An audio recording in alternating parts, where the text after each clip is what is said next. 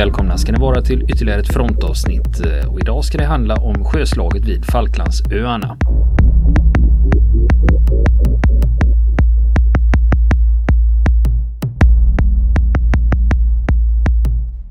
När vi kommer in i historien har amiral Maximilian von Spee tagit sikte på Sydatlanten med sin eskader. Men än så länge är de fortfarande i Stilla havet. När de kommer till Påskön, då får han förstärkning. För då kommer ytterligare två kryssare och ansluter sig till hans egen styrka. Då. De hette Leipzig och Dresden. Leipzig den hade patrullerat utanför Kalifornien. Och, eh, och Dresden hade patrullerat Sydatlanten med rundat Kap Horn för att kunna ansluta sig till Spe som de, de visste befann sig någonstans i, i de här farvattnen. Och de hade tidigare då genomfört just den här klassiska räder. De hade uppringat brittiska fartyg och lagt beslag på deras, deras last om den var intressant för dem och sänkt, sänkt fartygen. Och Spe och hans styrka de lyckas försvinna från britternas kartor i södra Stilla havet och eh, dyker upp lite då och då i rapporter från agenter, förbipasserande eh, fartyg eller rapporter från agent på Påskön och så vidare. Man siktar dem då och då. Man anar att ja, men de är på väg mot Sydamerika. Men vi vet inte exakt var de är. Så det är febril aktivitet i amiralitetet i, i London. Hur ska vi göra? Ska vi skicka förstärkningar till Sydatlanten? Eller ska vi ska vi koncentrera oss mot tyskarna i Nordsjön. Klarar de sig där nere med de få fartyg som de har? Den man som fick ansvaret för att jaga amiral Spee vid den här tiden, då, han hette Christopher Craddock och var amiral i brittiska flottan. Och han hade ett enormt område att bevaka med sina flottstyrkor. Nämligen Nordamerika farvatten och Västindien. Han var eh, ungefär jämngammal med Spee. Han hade börjat i Royal Navy som 13-åring. Och han hade skaffat sig lång erfarenhet av krig på ett helt annat sätt än vad Spee hade gjort. Eftersom den tyska flottan inte hade varit i krig före 1914. Eh, men han hade varit med då i striderna i Egypten och Sudan och eh, när eh, ett stort uppror i Kina, det så kallade boxarupproret, hade slagits ner vid sekelskiftet 1900, då hade han varit delaktig i de operationerna. Han hade också skrivit flera böcker om eh, sjökrig och eh, en erfaren sjöofficer som var någonting väldigt märkligt i den brittiska armén. Han var nämligen populär både hos sin besättning och sina överordnade och sina kollegor. Det var ingen dålig kombination. Det var ingen dålig kombination och samtidigt så, så framstod han som en väldigt duglig officer. Och han hade blivit eh, chef då för Nordamerika och Västindien sektorn året före första världskriget. Så han hade varit, varit i farten nästan lika länge som Graf Spee i, i de här farvattnen. Och just när kriget bröt ut då, då hade han ett gäng kryssare som stävade runt i Karibiska sjön. Så att han var ganska långt, långt ifrån eh, från eh, amiral Spee och från Stilla havet. Eh, han hade letat efter tyska kryssare i Nordatlanten. Men när det sen dök upp tyska eller brittiska förstärkningar som kunde ta över patrulluppdraget i det området, då sticker han rakt söderut för att börja leta efter den här, eh, ja, We seek him here, we seek him there. Nej, får säga. Dra parallell till Röda Nejlikan här. Problemet han hade att dras med, det var att han hade väldigt omoderna fartyg. Det här var ju inte förstklassiga brittiska marinenheter. Eh, hans flaggskepp Good Hope efter Goda Hoppsudden var en pansarkryssare som var långsam, en del av bestyckningen. Eh, huvudbestyckningen utgjordes av två 23 cm kanoner. Och sen hade han 16 stycken 15 cm kanoner men de där 15 cm kanonerna var så lågt monterade på fartyget, på sidorna av den, så att när det var hög sjögång så kunde man inte använda dem. Dessutom hade de alldeles för kort räckvidd jämfört, hans kanoner jämfört med eh, tyska kryssarna? de tyska kryssarna och modernare, eh, modernare fartyg. Alltså de hade utrangerats för att de var för gamla och de var otill, otillräckligt bestyckade. Han hade en pansarkryssare som hette Monmouth också eh, under sitt befäl. Besättningarna var det inte mycket bevänt med heller egentligen jämfört med den välövade Grand Fleet som låg där vid Storbritannien, då, huvudflottan. För att det här var reservister som han hade ombord. Som var, eh, ja, det var länge sedan de hade varit i tjänst, de var inte till, lika välövade som de ordinarie besättningarna. Eh, hade inte lika stor erfarenhet. Enda ljuspunkten i det här var att han hade en modern lätt kryssare som hette Glasgow. Sen hade han en hjälpkryssare också som hette Otranto. Och en hjälpkryssare, det var ett ombyggt civilt fartyg helt enkelt. Det var avsett att möta likvärdiga fiendefartyg. Det kunde inte mäta sig med, med eh, tyska kryssare exempelvis. Alltså tyska krigsfartyg, ordinarie krigsfartyg. Det hade de inte varken fart, bepansring eller bestyckning för att klara. Så det var en slags nödlösning helt enkelt för att skaffa mer kanoner. Som man kunde ta med sig ut på haven. De här hjälpkryssarna. Men så de lätta kryssarna på båda sidor, de var ganska jämbördiga, men de tyska pansarkryssarna, alltså de juvelen i kronan hos eh, amiral Spee då, Scharnhorst och Gneisenau, de var helt överlägsna i både eldkraft och räckvidd på kanonerna. Men britterna, ja de förstod att eh, tyskarna, den tyska styrkan är på väg mot Sydamerika. Så först funderade man på att skicka lite förstärkningar till Craddock från, eh, från Storbritannien då. Han skulle nog behöva tre, fyra moderna pansarkryssare. Men nej, det blev det inte för eh, chefen för Grand Fleet eh, vid Scape of Flow, eh, John Jellicoe, han sa blankt nej. Han ville inte skicka några. Men ja, då skickade vi några slagkryssare då. Moderna, bra fartyg. Men det blev också nej. Jellicoe ville inte skicka några av sina fartyg alls. Han ville ha ha, ha han, ville stå, han ville stå och putsa på dem. Han ville stå och putsa på dem. Han, han, han tyckte att jag ska möta den uh, tyska flottans huvudstyrka. Då vill jag inte skicka några av mina fartyg till andra sidan jordklotet för att, för att jaga en fiende vi uh, inte vet var den finns och som vi inte vet hur stor den är. Så till slut så det enda som man skickar det är ett skrotfärdigt slagskepp som heter Canopus som eh, har eh, fyra stycken kanoner av kaliber 30,5.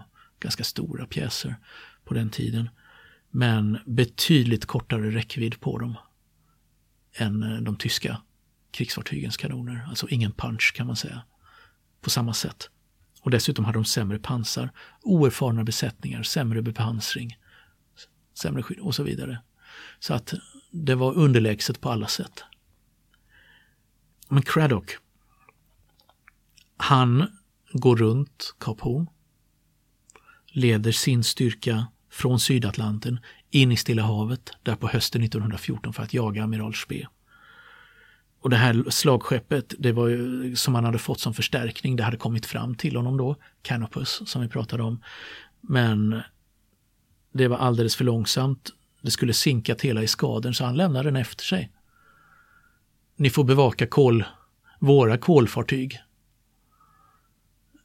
Så ger, vi, så ger vi andra oss ut och jagar fienden. Det där var ett dilemma egentligen kan man säga i efterhand.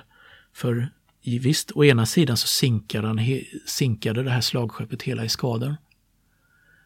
Vilket gjorde att om eh, Craddock, den brittiska amiralen, hade tagit med sig det så kanske han inte överhuvudtaget skulle ha hunnit ifatt den tyska flottenheten. Men när han väl hade hittat dem så hade han behövt slagskeppet för att ha en chans att vinna. Så ja, det, var ett det dilemma. En omöjlig kombination. Mm, en omöjlig kombination där. Svår avvägning. Hur ska man göra i ett sånt fall? Han valde att lämna det efter sig i alla fall. För att han hoppades hinna upp amiral Spee. Och han hoppades då eh, att eh, försöka besegra Spee genom att splittra hans styrka och kunna slå ut ett fartyg i taget. Det var, det var hans plan. Att eh, försöka, försöka besegra tysken på det sättet, den tyska amiralen. De snappar upp radiosignaler utanför den chilenska kusten.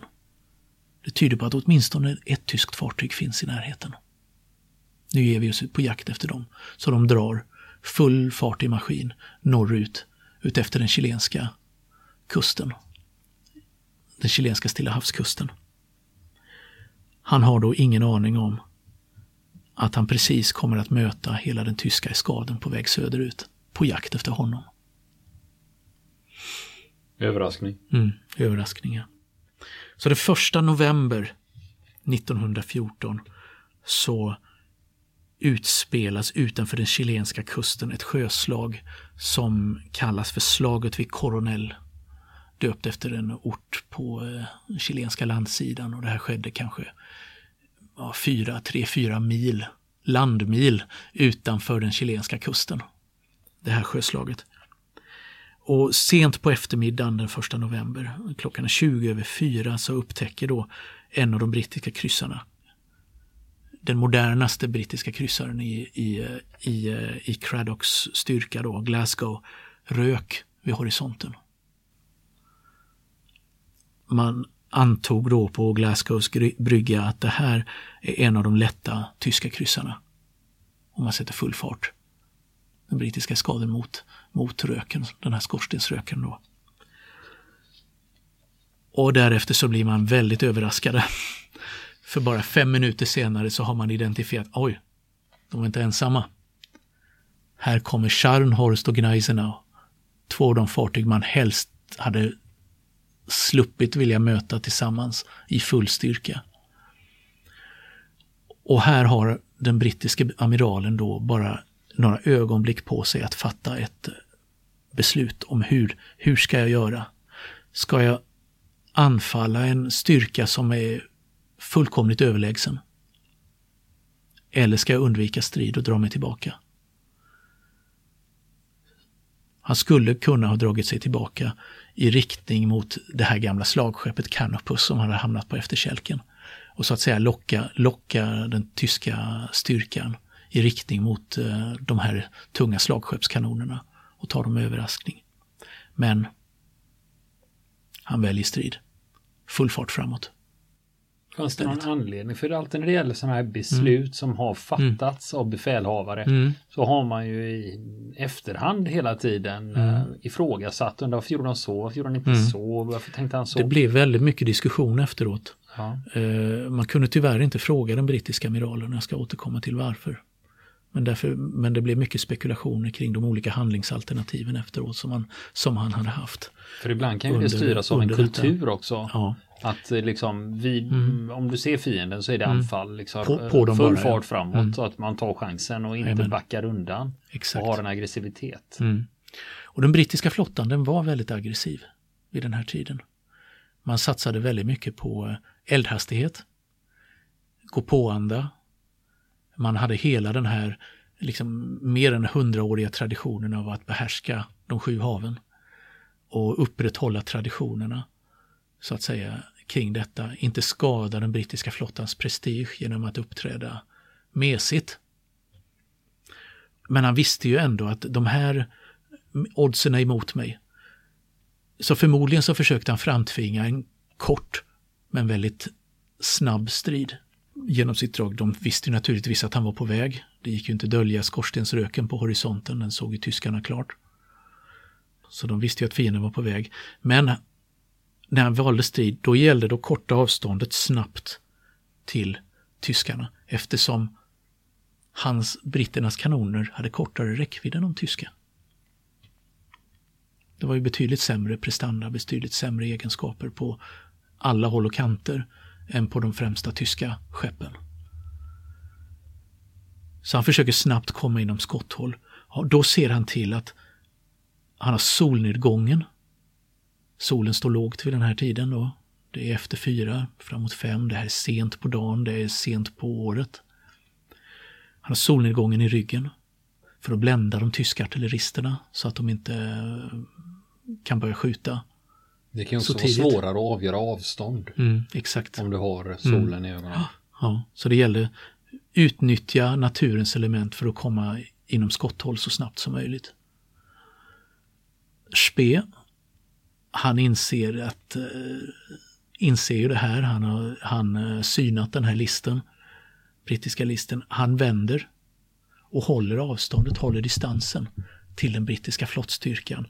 Till solen har sjunkit så pass mycket att de brittiska fartygen plötsligt avtecknar sig tydligt i siluett mot horisonten. Men och de... hans egna döljs av mörkret. När solen går ner och skymningen faller. Men eh, de tyska båtarna, var, eh, tyska fartygen var väl snabbare de än snabbare. de brittiska och Exakt. det gör ju att de har ja. möjligheten att styra Jajamän. striden på Exakt. ett sätt som britterna inte har. Nej. Så han drog sig, han höll sig hela tiden utanför den brittiska räckvidden tills de kunde se, artilleristerna kunde se britterna ordentligt. När solen hade gått ner så att man istället såg de brittiska fartygens siluetter väldigt tydligt. Då slår han till. Och då är hans egna fartyg också har börjat falla i eh, mörkrets i mörker så att säga, i, i skymningsmörkret, vilket gör att de blir svårare för de brittiska artilleristerna att, att träffa. Så att klockan har blivit framåt sju. Det har gått en timme av den här jakten då innan, innan striden utbryter då på allvar och då öppnar tyskarna eld först. För att ja, de hade längre räckvidd. Britterna är ännu inte inom så, kommit så nära att de kan börja avlossa sina kanoner.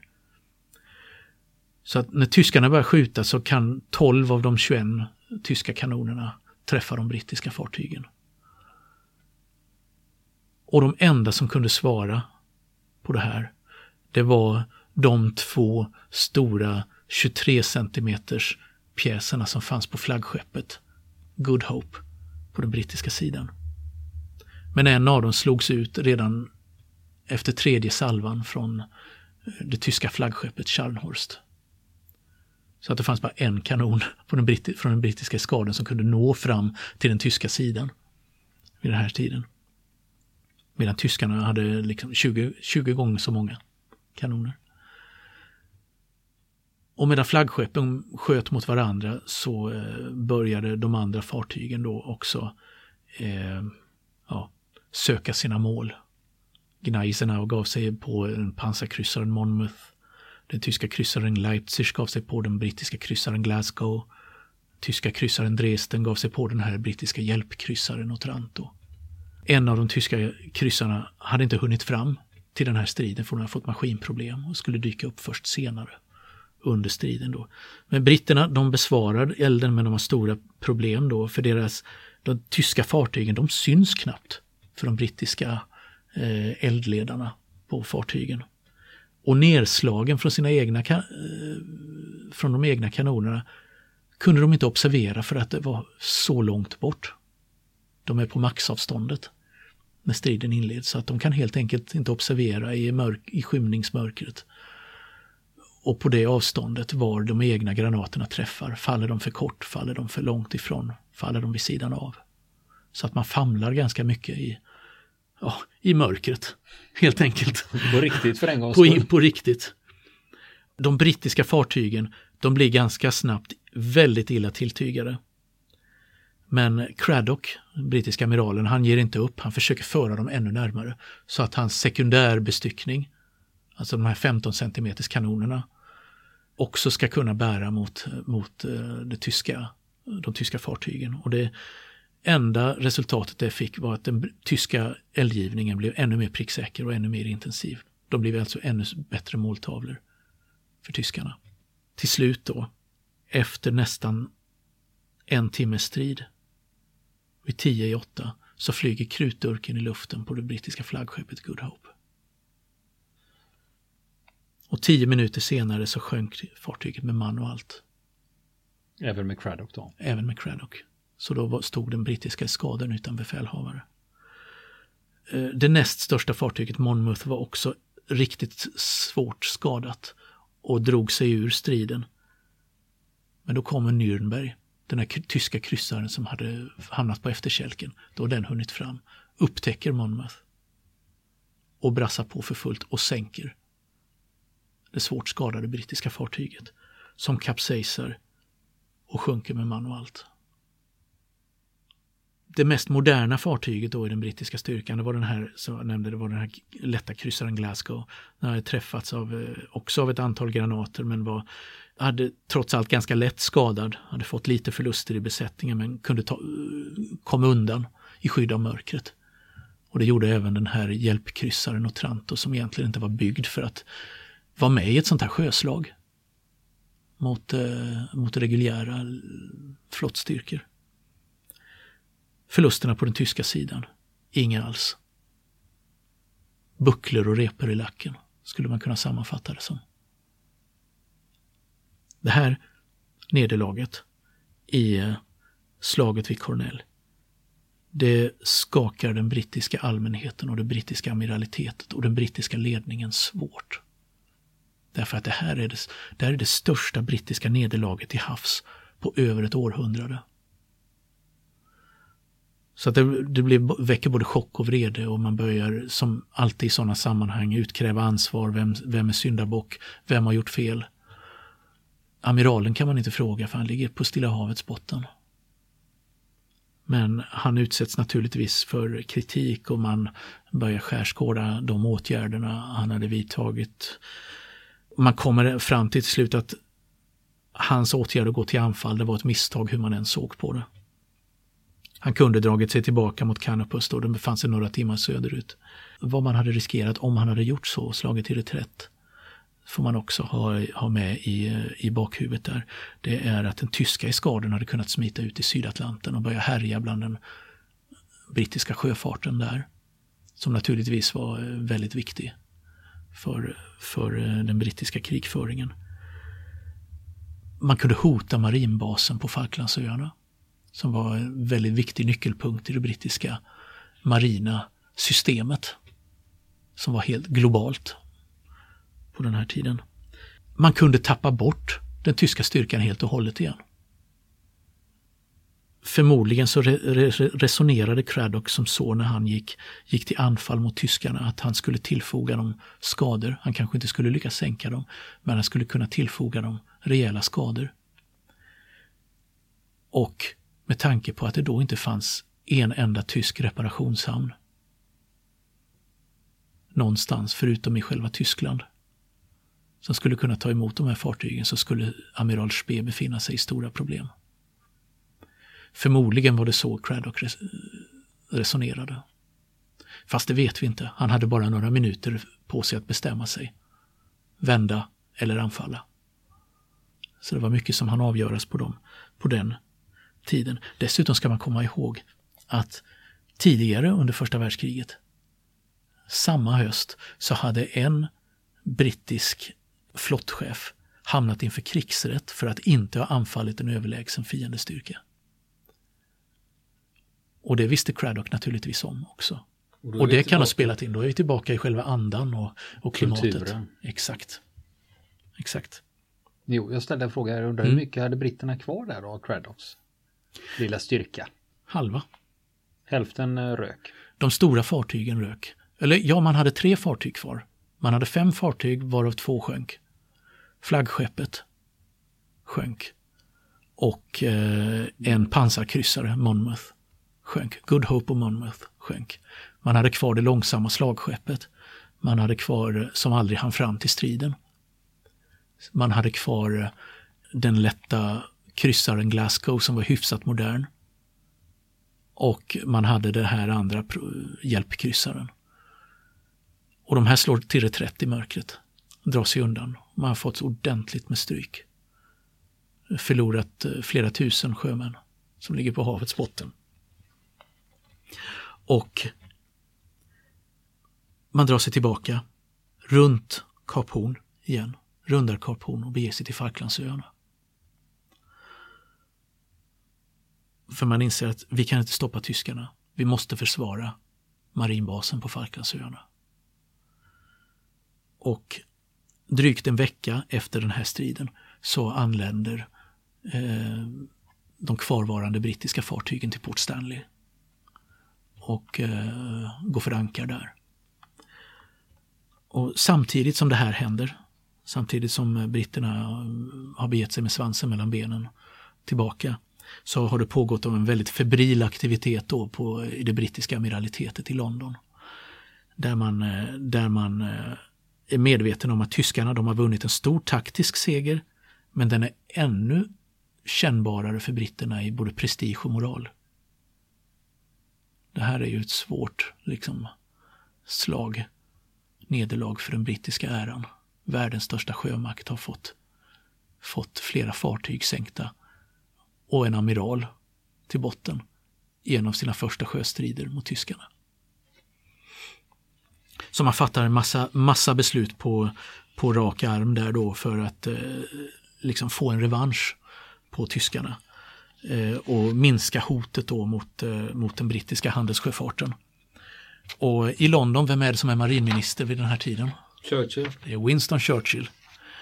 Och eh, hans första sjölord då, ordför, överbefälhavaren för flottan då, Jack Fisher, de vidtar snabba motåtgärder, man omgrupperar fartyg eh, globalt kan man säga för att stoppa alla möjliga väg, eller täppa till alla vägar som man tänker att amiral Spee kan ta med sin styrka. Som på ett stort globalt schackbräde så flyttar man styrkor hit och dit, ungefär som vid jakten på Bismarck under andra världskriget. För att sen då kunna sluta nätet sakta runt den tyska styrkan. Så man tänker. Och nästa vecka fortsätter vi berättelsen om sjöslaget vid Falklandsöarna. Vill ni komma i kontakt med oss så kan ni göra det via vår Facebook-sida som heter Fronten. Det är inga problem för er att leta er fram där. Eller också så mejlar ni på vår mejladress och det är frontenpodcast.gmail.com.